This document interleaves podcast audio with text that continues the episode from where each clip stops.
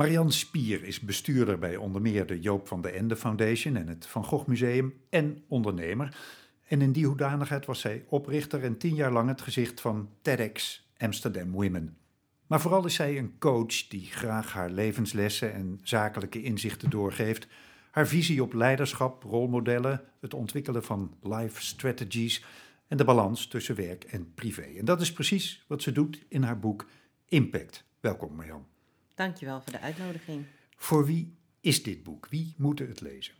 Eigenlijk voor iedereen. Hè? Iedereen die aan zichzelf wil werken en iedereen die uh, naar een hoger niveau wil gaan, persoonlijk of zakelijk. Oké.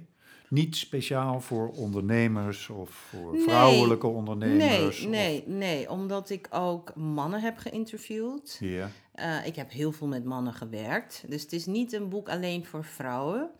En het gaat ook het gaat over ondernemerschap, maar het gaat ook over leiding geven binnen een bedrijf. Dus het gaat over ondernemers, maar ook over werknemers. Aha, ja, maar het gaat over meer dan alleen uh, werkomgeving, toch? Want het, het gaat ook gewoon over levenslessen.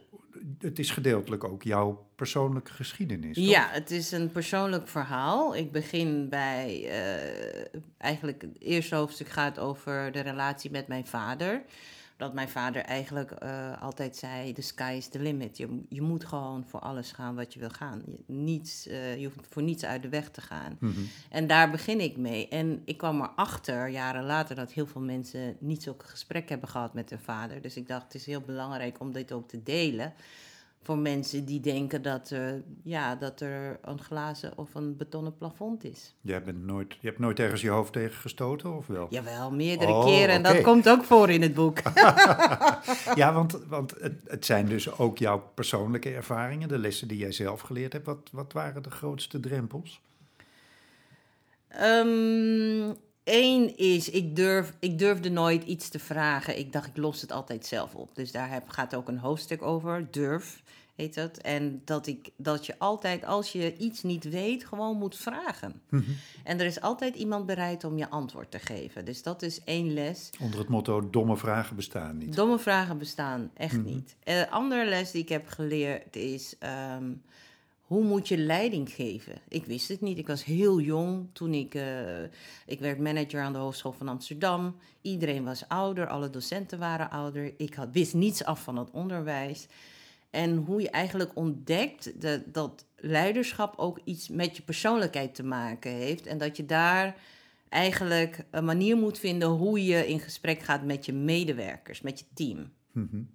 Want wat voor soort persoonlijkheid moet je hebben als leider? Of moet je ontwikkelen als leider? Nou, het hangt echt van je team af. Maar in het begin, wat je merkt als je net begint als, als manager of leider, Mhm. is dat je alles persoonlijk neemt. Dat wanneer iemand jou feedback geeft. Dus hoe ga je om met die feedback? Ja, ja. En dat, wat ik echt heb geleerd is leren reflecteren op mijn handelen. En kijken van oké, wat, wat ik doe, heeft dat effect? Hoe heeft dat effect op de ander? Hoe heeft het effect op mij? En is het ook waar, hè, die feedback? En als het waar is, dan moet ik daar wat mee doen. En als het niet waar is, moet ik ook weer dat teruggeven. ja, openstaan dus. Altijd. Ja, ja. Je hebt dus, je zei het al, ook eh, anderen gesproken voor dit boek. Je gaat te raden bij mensen. Bij wie zoal? Wie heb je gesproken? Je hoeft ze niet allemaal op te noemen. Maar... Nou, de vier eh, grote interviews. Ik heb eh Harriet Verwij gesproken. Die is eh, cardiologe. Die heeft eigenlijk het thema het vrouwenhart aangekaart. Dat er nauwelijks of geen onderzoek naar werd gedaan. Dus ik heb met haar gesproken over passie. Hoe zij is gekomen naar Nederland vanuit Suriname. We hebben Hm. eigenlijk een beetje dezelfde ervaringen. Hè? Dus dat je komt en dat er nauwelijks eh, geld hebt, maar je, je zet toch door. Ik heb Fenna Ulici, dat is de stadsdeelvoorzitter van Amsterdam Oud-West. En ik praat met haar over kansenongelijkheid. Zij vertelt een verhaal hoe zij vanuit huiselijk geweld eh, toch eh, stappen heeft gemaakt. En hoe moeilijk het is voor een Marokkaanse vrouw om te kunnen scheiden. En dat je, dat je vanwege de Marokkaanse wet, nou dat leg ik helemaal uit. Mhm. En dat er toch mogelijkheden zijn. Ik, spreek, ik heb eh, Joop van den Ende gesproken, die vertelt over zijn jeugd. Hè, dat zij nauwelijks te eten hadden en dat ze heel arm waren. En die stappen die hij heeft gemaakt van beginnend ondernemer tot aan, je kan zeggen, miljardair. En wat, eh, eh, dat ieder mom- eigenlijk moment in je leven heb je hobbels in je carrière. Dus dat, het, dat het nooit ophoudt. Nee. En ik heb als laatste Jaap Winter geïnterviewd, hoogleraar governance. Die is gespecialiseerd in leiderschap. Die begeleidt ook grote leiders in de wereld. En die vertelt wat het mooie was, dat hij zei... Leiderschap heeft altijd met je persoonlijkheid te maken. Je kan het hebben over systemen of uh, heel ver van je afzien.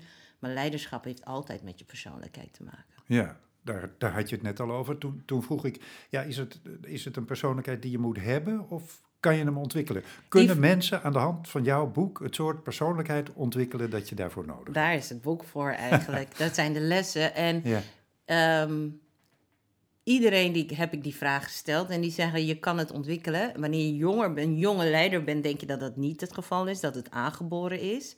Maar naarmate je ouder wordt, leer je dat je die kwaliteiten en die vaardigheden kan aanleren. Huh. Daar moet je voor openstaan. Daar gaat het boek over. daar gaat het boek over. Ja. Kan je, om de mensen een beetje lekker te maken, de drie belangrijkste lessen voor goed ondernemerschap geven? Of is het niet zo in te dikken? Is het daar te ingewikkeld voor? Nee hoor. ehm, nou, eerst je moet durven. Hè. Ondernemen betekent gewoon risico's nemen. Hè. Dat, eh, het, het is nooit, het gaat, eh, iemand zei het is net eh, op heuvels en dalen. Dus dat, daar moet je voor, op voorbereid zijn. Ja, Op- opstaan is belangrijker dan vallen. ja, en, Ja. En, en eigenlijk zijn er, ik, ik, ik kom net terug uit Suriname, dat zei ik ook aan de, de, de eh, ondernemers zeiden steeds, ik heb iets goeds of iets fouts gedaan. Ik zei nee, het gaat over kansen en bedreigingen. Dat heeft, ondernemerschap heeft met de kans te maken of er is een bedreiging.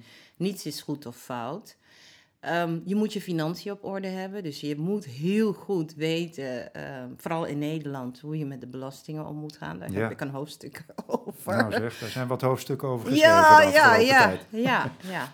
En je moet niet bang zijn. Hm. Je moet niet bang zijn om het te onder... Kijk, ik kan alle marketing en dat soort thema's, nou, er staan heel veel boeken, maar die andere kant is ook belangrijk, want daar heeft men het vaak niet over. Nee, dus echt de, de kanten van je persoonlijkheid, afgezien van die financiën die je op orde moet hebben, Ja. die, je, die je moet ontwikkelen. Absoluut. Aan de hand van jouw eigen levenslessen ook. Dankjewel Marjan. Graag gedaan. Impact van Marjan Spier verschijnt op 2 november.